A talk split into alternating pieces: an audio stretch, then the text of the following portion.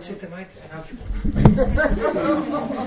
Goed, wij gaan, uh, wij gaan verder met elkaar.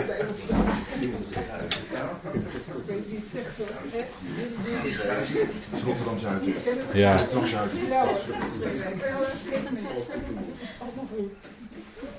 Goed, wij uh, zijn bezig met die boekrol en we hebben gezien vlak voor de pauze dat gaat om een wet, wettelijk of wettig document waarin dus uh, iets van eigendomsrecht uh, vermeld wordt. En dat heeft diepe wortels in de Hebreeuwse schrift. Dat is natuurlijk niet zomaar, maar dat heeft zijn wortels in de Hebreeuwse schrift. En dat voert terug op de Torah zelf. Ik heb al aangehaald Leviticus 25. En daar wordt ook de, uh, ja, de wetten op uh, het lossen van land. Hè. En dat had te maken met het jubeljaar. Nou goed, we gaan er wel even over hebben. Op deze dia ziet u ook staan jubeljaar. In het vijftigste jaar, dat was de inzetting in Israël. In het vijftigste jaar, dat is de wet op het jubeljaar. En u kent waarschijnlijk wel allerlei gedachten op internet met jubeljaren. En er wordt er gerekend vanaf een bepaalde datum tot aan een bepaalde datum. Er wordt gerekend met een Shemitah-jaar. Dat hebben we ook allemaal net achter de rug gehad. Hè, 13 september enzovoort. Het is allemaal voorbij gegaan. Er is niet gebeurd wat men dacht dat zou gebeuren. Maar ja, kennelijk zijn wij als mensen ook niet goed in staat in deze tijd om een goede tijdrekening te doen. Ik denk ook dat het logisch is, omdat de goede tijdrekening kun je doen vanaf het moment dat die, dat, dat, dat die zevener ingaat. Vanaf dat moment kun je goede tijdrekening doen. Maar dan zijn wij weg. Dan zijn wij weg. Hè? Nou, maar vanaf het begin van de zevener, de laatste zevener uit Daniel 9, vers 24 tot 27, de laatste jaarweek, zeggen we dan altijd populair. Vanaf dat moment kun je echt gaan tellen. En dan zal de Jood ook kunnen tellen 1260 dagen, 1260 dagen, tijdtijden en een halve tijd, 1335 dagen, 2300 avonden en morgens en wat dies meer zei. Hè? Het staat allemaal in Daniel. Nou, dan kun je rekenen met tijd. Maar een jubeljaar, dat was ingesteld in Israël en dat had een goede economische achtergrond. Daarin viel het land vrij in die zin, in het vijftigste jaar keerde ieder weer terug op zijn eigen lotdeel. Ongeacht wat er in die afgelopen 49 jaar aan ondertussen verhandeld was, verkocht was, gekocht was en noem maar op. In het vijftigste jaar viel het hele land weer vrij en kon het terugkeren bij de rechtmatige eigenaar. Kijk, dat is nou nog eens een goede economische instelling. Dan heb je niet privé grondbezit, CQ grootgrondbezit. En wat was ook verboden in de Torah, en dat is ook een hele goede economische instelling, het heffen van Rente. rente, ja precies. Want daar gaat de economie aan kapot. Aan het heffen van rente. Woeker hè, heet het ook wel. Dat was verboden in de Torah. En als je dat nou eens zou doen, geen rente heffen, nou dan zouden bepaalde rijke families nu niet zo rijk zijn hoor. Ze zouden nu niet zo rijk zijn. Maar dat komt allemaal door privébezit. En ze weten dat allemaal handig buiten de belastingssfeer te houden enzovoort. Hè? Maar dat heeft allemaal te maken met het heffen van rente. Kijk, ik zal een paar dingetjes even heel snel noemen. Wat banken doen is geld creëren uit niets, uit lucht. Er is lucht en ineens is er geld. Zo wordt geld gecreëerd vandaag de dag. En over die creatie van geld wordt rente geheven. En dat betalen u en ik over onze hypotheek, als we een hypotheek hebben. Zo werkt dat in de maatschappij. De Engelsen zeggen dan: They create money out of thin air. Het is niet eens gebakken lucht, het is lucht. Daar wordt geld uit gecreëerd. Zo werken de banken. Ja, wat dacht u wat? Dit is de waarheid hoor. Zo gaat het in het economische systeem. En daarover wordt rente gegeven. Dat is de ellende. Die rente moet je steeds betalen. En dan liefst nog rente op rente. Op rente. En daar zit hem de kneep, hè? Maar bij de Torah was verboden. En ik ga er nu niet dieper op in. Want dat wordt een economisch verhaal en daar ben ik heel slecht in. Maar dit weet ik wel. Maar rente, dat mocht niet gegeven worden. Goede economische wet was in Israël. Het land valt na 50 jaar vrij. Dus privé grondbezit, ja, je kan het kopen in het eerste jaar, maar na 49 jaar zou je het toch terug moeten geven. En dan mag je er geen geld voor vragen. Maar dan was er in Leviticus ook nog een wet dat uh, men eerder dan het vijftigste jaar iets kon kopen. En daar heeft het mee te maken, wat in openbaring 5 staat. En in Leviticus 25, vers 23 staat dus, dat wil ik u even voorlezen, dat heb ik voor de pauze al even aangehaald.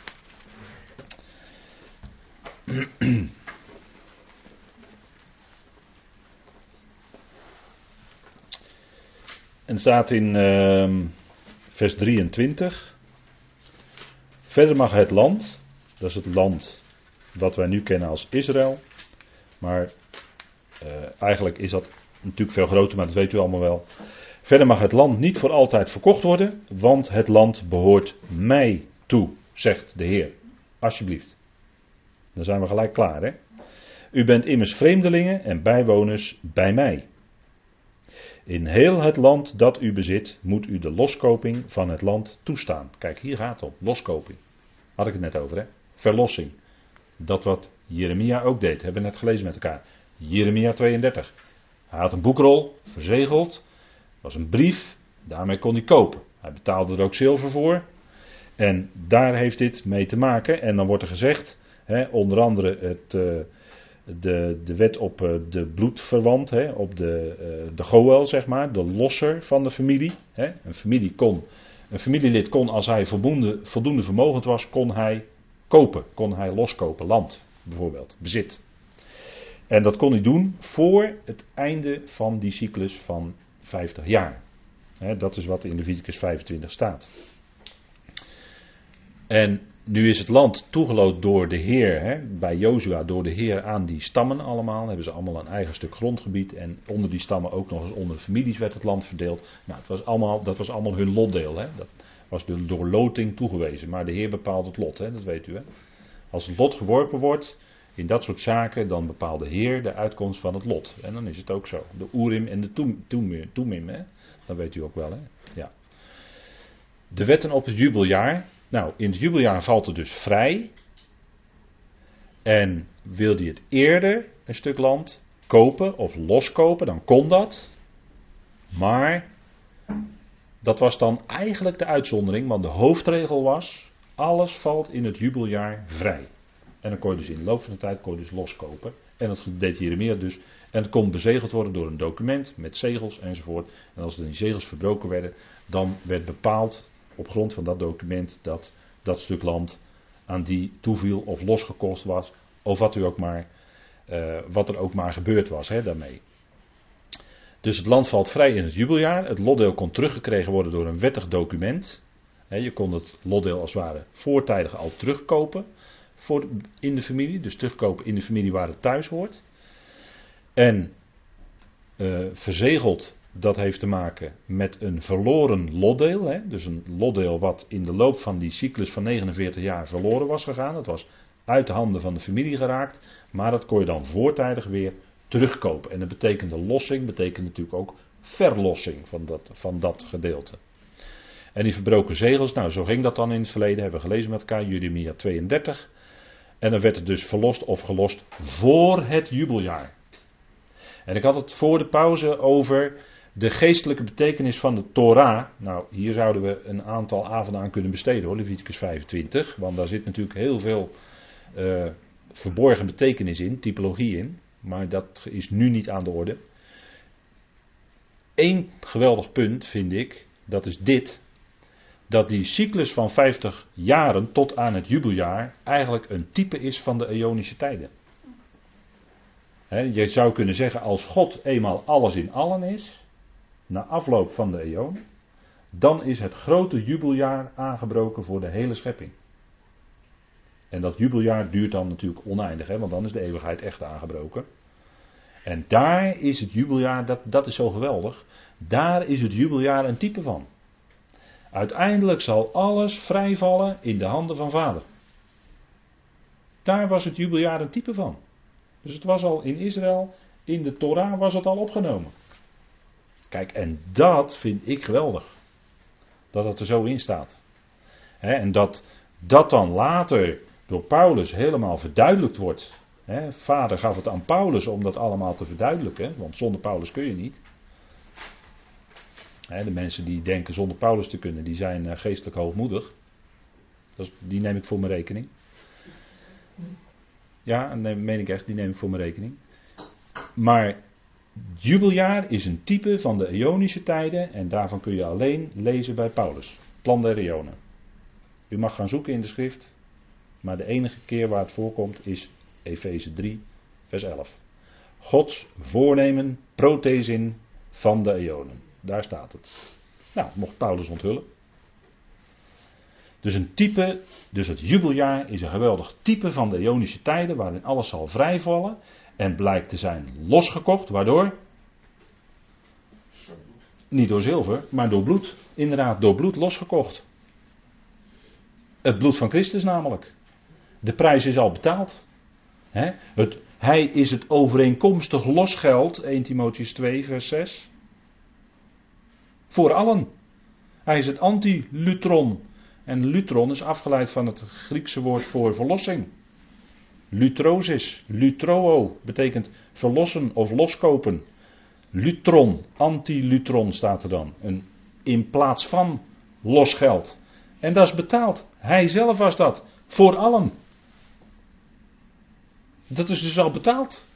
En daarom zal aan het eind van de eonen, als werkelijk het grote jubeljaar voor de hele schepping aanbreekt, alles vrijvallen in wie's handen? In de handen van vader natuurlijk. Dat kan toch niet anders? Want het was toch al allemaal al eigenlijk van hem? Toch? Net zoals in het land het stuk land al in bezit was van die familie en het dus weer teruggegeven wordt aan die familie. Zo zal de hele schepping, die al van vader was, terugvallen in de handen van vader. Want dat is de rechtmatige eigenaar hoor. Ja, natuurlijk. Hij, hij zei toch tegen Abraham: Ik ben de bezitter van hemelen en aarde. Nou, dat is dan toch gewoon zo. Daar hebben we dan toch niet zo moeite mee? Dus hij maakt aanspraak op alles. Nou, dat zal blijken als hij alles in alles is. Dus het is een jubeljaar is een type van de Ionische tijden. En kijk, net zoals er een cyclus was van 50 jaar, let op de 5, want de 5 is het getal van de genade. Van 50 jaren, en 50 is in het Hebreeuws de letter noen, en dat betekent ook verlossing. Waarom dacht u dat Jozua, de zoon van Noen, de zoon van Noen, de zoon van de 50 dus, Israël het land binnen mocht leiden? Nou, weet u hoe het komt? Dat komt omdat hij kwam vanuit Moab en Moab is 49 in het Hebreeuws. En hij is de zoon van Noem van de 50, dus hij mocht Israël het land binnenbrengen. De verlossing. Dat gebeurde onder Jozua. Viel het land vrij. Werd toegedeeld aan Israël. Door loting. Dat zijn allemaal van die dingen. die, die, die fijne, kleinere dingen. Die alleen maar bevestigen die grote waarheid. Nou, cyclus van vijf eonen. Vijf. Mooi hè? Jubeljaar is vijftig. Ook heel mooi hè? Dat past zo prachtig op elkaar, vind ik. En dan ga je de lijnen zien in de schrift. Nou, na de vijfde eon valt de hele schepping vrij. Al het verlorene wordt dan teruggevonden. Dat is altijd zo in de schrift, sowieso. Wat verloren is, wordt teruggevonden. Want wie is het kwijt? Nou, de, de schepper, hè? God, God is het kwijt. En die vindt het terug hoor, reken maar van yes. Die vindt het terug. Nou, dat zal gebeuren hè, aan het eind. En daar, kijk, dit, wat hier gebeurt hè, in openbaring 5, die zegels gaan dus verbroken worden. Dat is dus de inleiding van het grote gebeuren. Dat dus die schepping, die schepselen terug gaan komen in de handen van God. De lossing. En een prachtige geschiedenis is bijvoorbeeld Boas en Rut als we het hebben over openbaring, ja, dan gaat het over de Heer en Israël natuurlijk. En Boas en Rut is een prachtige geschiedenis. het leest als een roman. Maar het is een prachtige typologie van de Heer en Israël natuurlijk.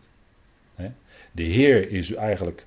Boas is eigenlijk een type van de Heer, want Boas betekent de komende sterke. Bo heeft te maken met de komende, heeft te maken met komen in het Hebreeuws. En as is afgeleid van oets en dat betekent sterk of sterkte. De komende sterke. En wie is dat? Nou, dat is de Heer toch? Dat is JW van de legermachten. Dat is de Heer Jezus Christus. Dat is de komende sterke. Die gaat zijn volk verlossen. En Rut zei toch, Uw volk is mijn volk en uw God is mijn God. Dat zei Rut tegen Naomi, toch? Nou, daar. En dan wordt dat een huwelijk natuurlijk. En dat is ook toekomstmuziek. Dat is het nieuwe verbond. Dan gaat de Heer in het huwelijk treden met zijn volk Israël. Want dat is de bruid. de bruid in de schrift is nooit de gemeente. Nooit. Wordt nooit gebruikt voor de gemeente. De gemeente is altijd het lichaam van Christus. Nooit de bruid. Kan niet. Is ook geen bewijs voor hoor. Om te beweren dat de gemeente de bruid is. Geen bewijs. Ik ben nog niet tegengekomen. Maar Boas en Rut.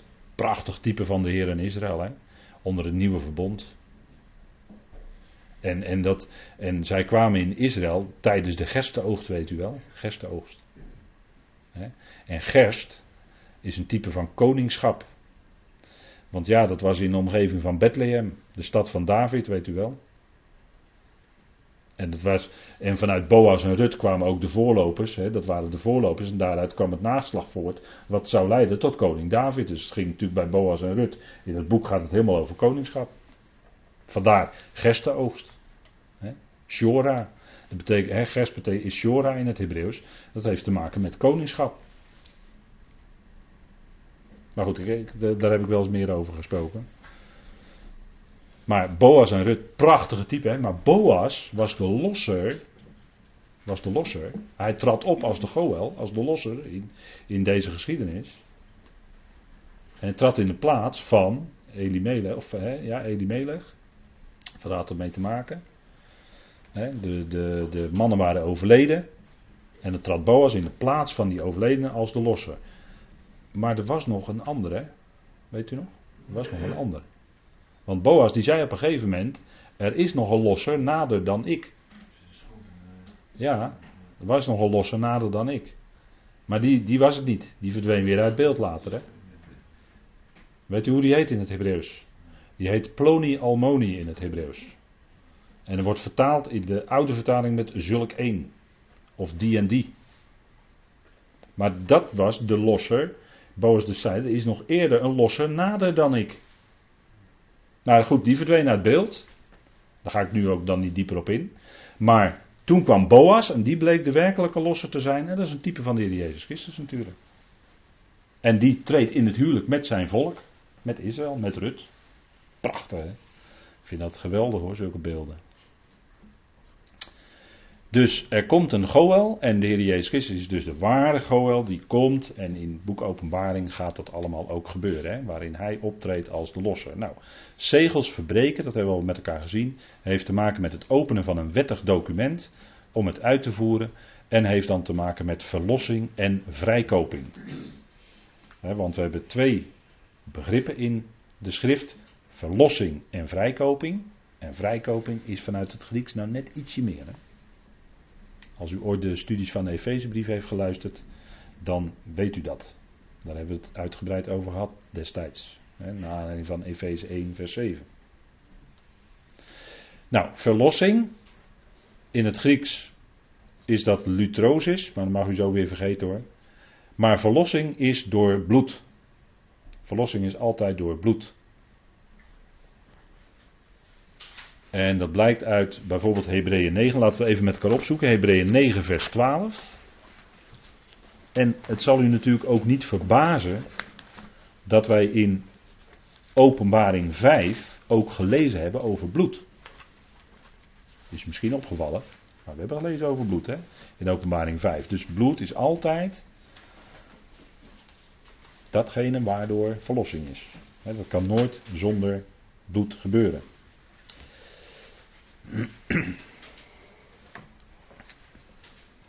Nou, Hebreeën 9, vers 12 spreekt daarover. En lees ik even inleidend vanaf vers 11. Maar toen is Christus verschenen, de hoge priester van de toekomende goederen. Hij is door de meerdere en meer volmaakte tabernakel, die niet met handen gemaakt is, dat is, die niet van deze schepping is, dus dat. Hè, er, is, er is als het ware een hemelse tabernakel, hè, zou je kunnen zeggen. Hij is niet door bloed van bokken en kalveren. maar door zijn eigen bloed voor eens en voor altijd binnengegaan in het heiligdom en heeft een eonische verlossing teweeggebracht. Ziet u? Door zijn eigen bloed is hij ingegaan in die hemelse tabernakel, die niet van deze schepping is, staat erbij, en waarvan de aardse tabernakel een afschrift was, een afbeelding was, of een uitbeelding was, hoe moet ik het zeggen?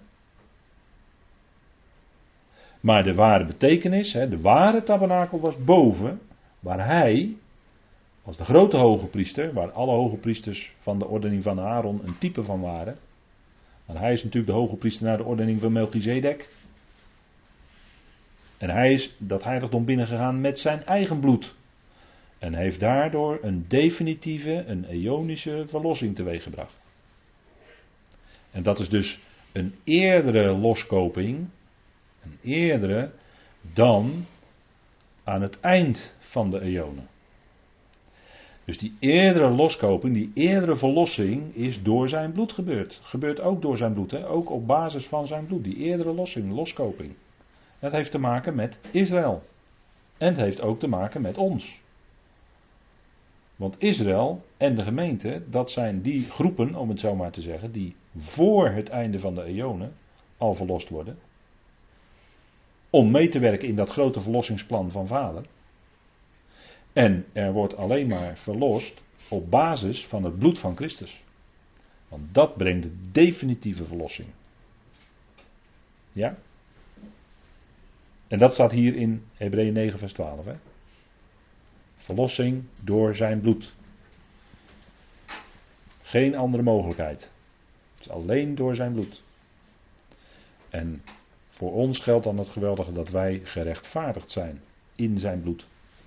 Wij zijn gerechtvaardigd in zijn bloed. Maar dat houdt tevens die verlossing in. Maar het is meer, hè? rechtvaardiging is meer. Maar het is wel in zijn bloed, hè? opnieuw, hè? in zijn bloed. Je kan nooit verlossing hebben zonder het bloed van Christus. Onmogelijk. Verlossing is altijd door het bloed van Christus. Kan niet anders dan zo zijn.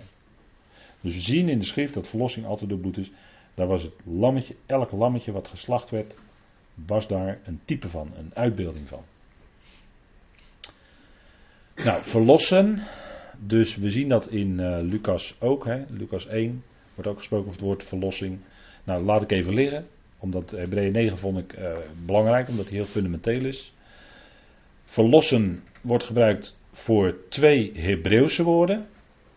Dus dat Griekse woord, dat Griekse werkwoord verlossen of lossen, wordt gebruikt voor twee Hebreeuwse woorden. En nu gaan we wat even wat dieper in op die materie. Dat is namelijk eerst het woord loskopen, gal, hè, wat uh, afgeleid is van uh, galal. Loskopen. En dat heeft te maken met de claims van JW. Dus als JW iets claimt, bijvoorbeeld de eerstgeborene, dan werden zij, die werden dus losgekocht. En het had ook te maken met eedsweringen. Claims van God. Claims van JW. Dat is de ene kant.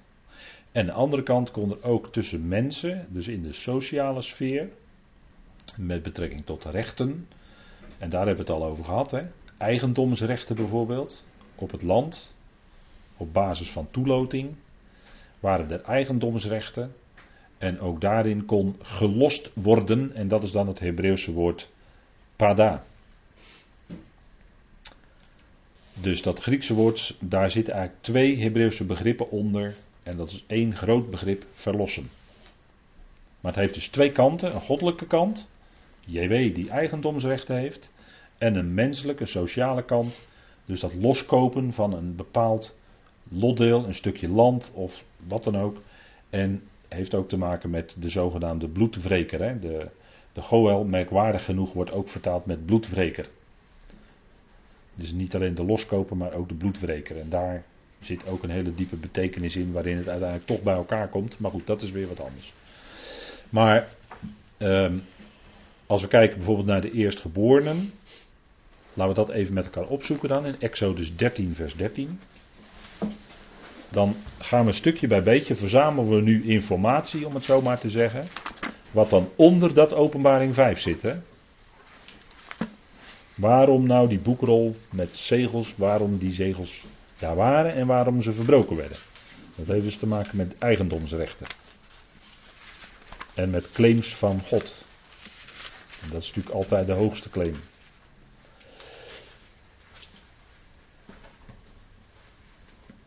En staat in Exodus 13, vers 13 en 15. Maar al wat de baarmoeder, ja, dat is dan schuin gedrukt, dat is een ingevoegd woord, van een ezelin opent, moet u vrijkopen met een lam. Als u het niet vrijkoopt, moet u het de nek breken. Maar wat de mensen betreft, moet u alle eerstgeborenen onder uw zonen vrijkopen. Ziet u dus, de eerstgeborenen werden dus in Israël vrijgekocht. En dat had te maken met een lam. Nou, vers 15. Waar heeft dat mee te maken? Het zal gebeuren als uw zoon u morgen vraagt: wat is dit? Dat u tegen hem zult zeggen: De Heer heeft ons met sterke hand uit Egypte, uit het slavenhuis geleid. Want toen de farao zich verhardde en, om, en weigerde ons te laten gaan, gebeurde dat de Heer alle eerstgeborenen in het land Egypte doodde, van de eerstgeborene van de mens tot de eerstgeborene van het vee toe. Daarom offer ik aan de Heer de mannetjes van alles wat de baarmoeder opent, maar alle eerstgeborenen van mijn zonen koop ik vrij. Dit zal tot een teken zijn op uw hand en tot een band tussen uw ogen, want de Heer heeft ons met sterke hand uit Egypte geleid. Dus hier is de verklaring waarom al die eerstgeborenen eigenlijk voor de Heer zijn. En waarom die vrijgekocht werden. En dat vrijkopen uit, of dat verlossen uit Egypte, ging dus aan de ene kant door bloed. Hè, dat bloed van het lammetje wordt hier ook naar verwezen, duidelijk. En door macht en door kracht. Dat is die andere kant. Hè. En dat maakt het tot vrijkoping. Dat is een sterker woord in het Grieks. Dan gaan we even naar de volgende punt. Het volgende punt. Vrijkoping is namelijk door macht of kracht. En dat houdt tegelijkertijd ook de verlossing in, maar het is meer.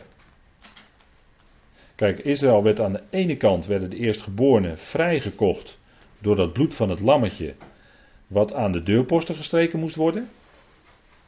Daar werden ze door losgekocht, die eerstgeborenen, zodat zij niet gedood werden in die nacht. Maar die eerstgeborenen van de Egyptenaren wel. Dat gebeurde dus door bloed. Maar toen waren ze nog steeds in Egypte. Maar om nou uit Egypte te komen, daar was macht en kracht voor nodig. Voor die uittocht. En dat deed de Heer dus met zijn krachtige hand. En dat was eigenlijk die vrijkoping. Dus je hebt verlossing, dat is door bloed van het lammetje. En je hebt vrijkoping, dat gebeurt door macht of kracht. En dat is dan met krachtige hand uit Egypte weggevoerd worden. En nu vertel ik precies wat wij toen de tijd bij Efeze al besproken hebben met elkaar. Maar dat is zoveel jaar geleden en dat weet u misschien niet meer. Maar in Lucas, want dat is een sterker woord in het Grieks. je hebt het woord verlossing in het Grieks, maar je hebt nog een sterker woord. Dan staat er een voorvoegsel voor. Dat betekent vanaf, heel letterlijk. Letterlijk vanaf verlossen. En dat hebben wij dan in de concordante vertaling vertaald met vrijkopen. Dus letterlijk vanaf lossen of verlossen. Lutrosis. Lossing is het dan eigenlijk. Vanaf verlossing. Dat is door macht of door kracht. En dat houdt tevens dus ook de verlossing in. Maar het is meer. Nou, in Lucas 21 staat dat bijvoorbeeld.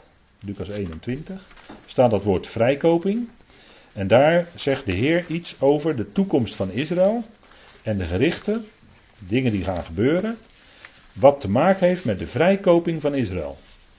En dat is dus een tekst die ook te maken heeft met ons onderwerp openbaring. Dus Lucas 21.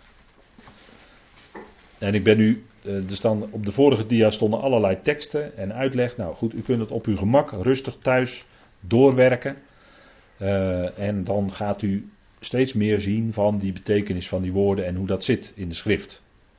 Maar ik geef nu even de kernpunten steeds aan, anders wordt het te uitgebreid, uh, omdat we ook verder moeten.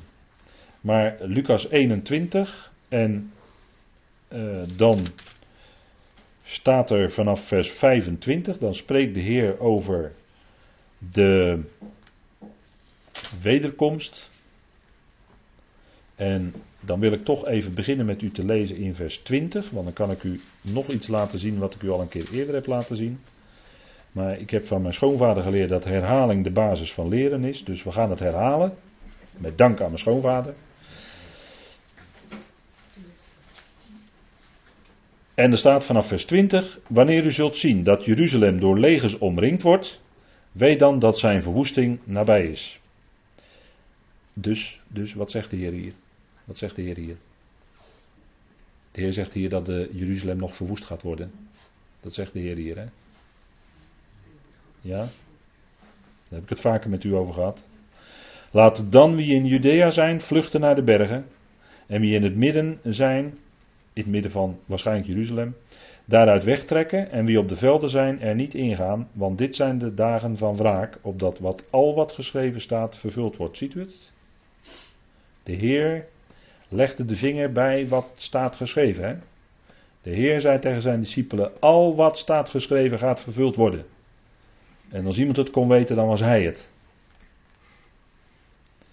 Maar wee de zwangeren en de zogenden in die dagen, want er zal grote nood zijn in het land. En toren, verontwaardiging over dit volk. Ziet u het? En wat wil ik u hier nu mee laten zien?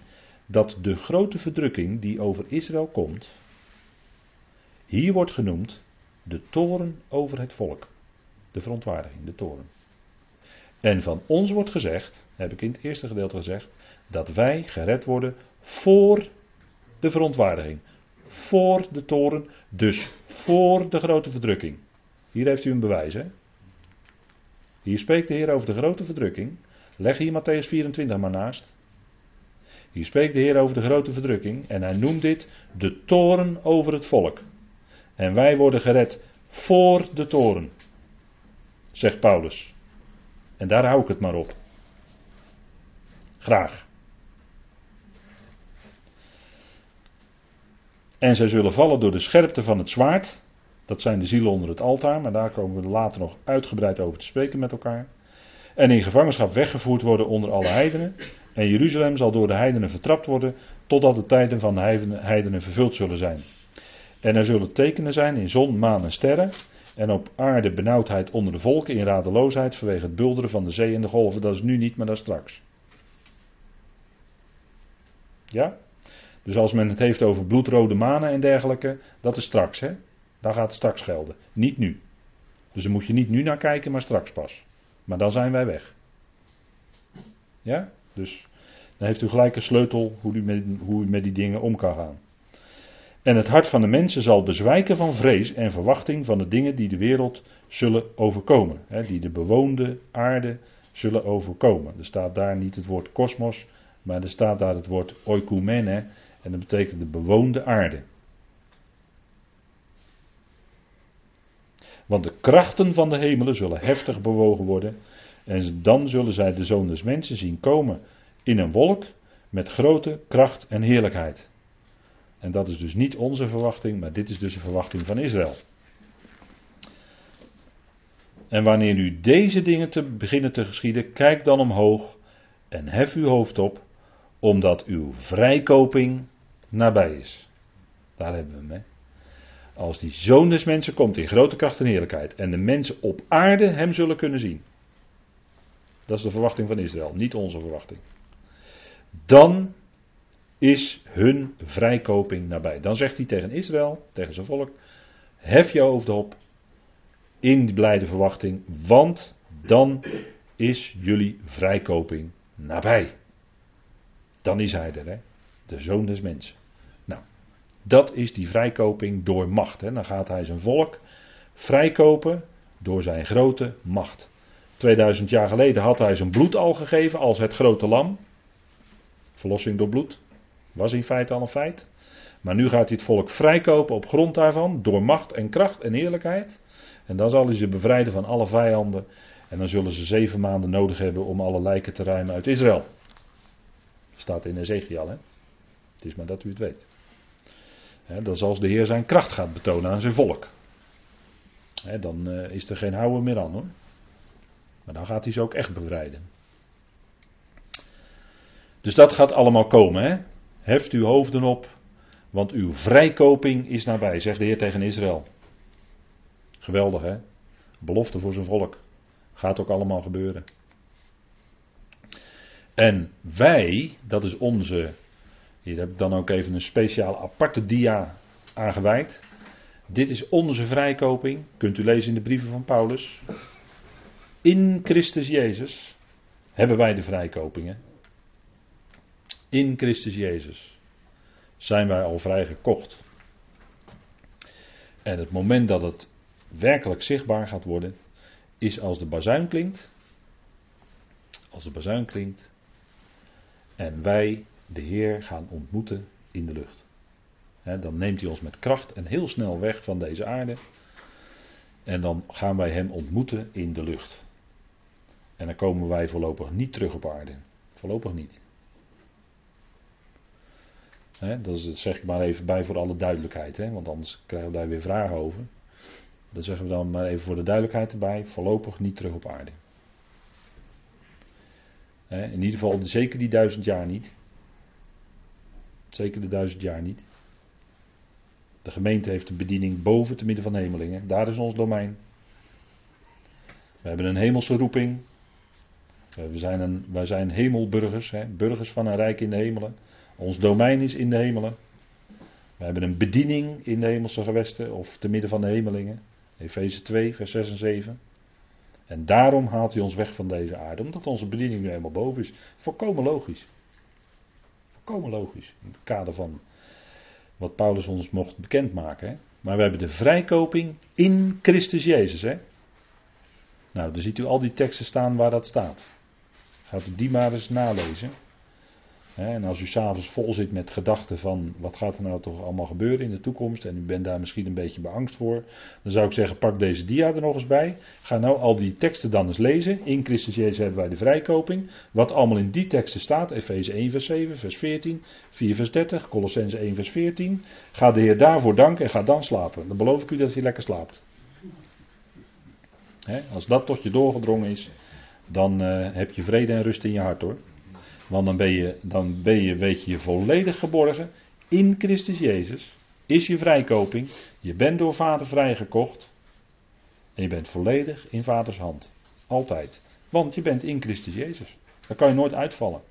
Als je eenmaal in Christus Jezus bent, ja, dan kan je er ook nooit meer uit, om het zo maar te zeggen. Want dat heeft vader dan, vader heeft je dan verzegeld. Hè? Over verzegeling gesproken trouwens. Vader heeft je verzegeld met Heilige Geest. Nou, dat zegel kan jij niet ongedaan maken hoor. Er is niemand in de hele schepping die dat kan. Die verzegelde van God, dat zijn wij. Dat zegel verbreken, niemand. Uh -uh, nee, die zijn van hem. Die zijn van hem. Dat zegel gaat nooit verbroken worden. Tot in de dag van de vrijkoping, daar hebben we hem weer. Hè? En de dag van de vrijkoping is voor ons de dag dat de bazuin klinkt. Vandaar die foto met die bazuinen erop. Hè? Die zilveren trompetten. Vind ik heel mooi. Zilver. Ook een beeld van verlossing. Hè? Zilver. Daar hebben we het vanavond over gehad. Nou, ze moesten geblazen worden in Israël met zilveren trompetten. De dag van de bazuinen. Nou, wij krijgen ook een dag van de bazuin. En dat is naar 1 Thessalonicense 4. En dan worden wij vrijgekocht. Dat is de dag van de vrijkoping van ons lichaam. Naar binnen in die dag zijn wij vrijgekocht. En in die tussentijd zijn we verzegeld. En er is niemand in hemel of op aarde of onder de aarde die dat zegel op ons kan verbreken. Niemand, ook jijzelf niet. Nou, daar kun je vader wel voor danken. En ik stel voor dat we dat gaan doen.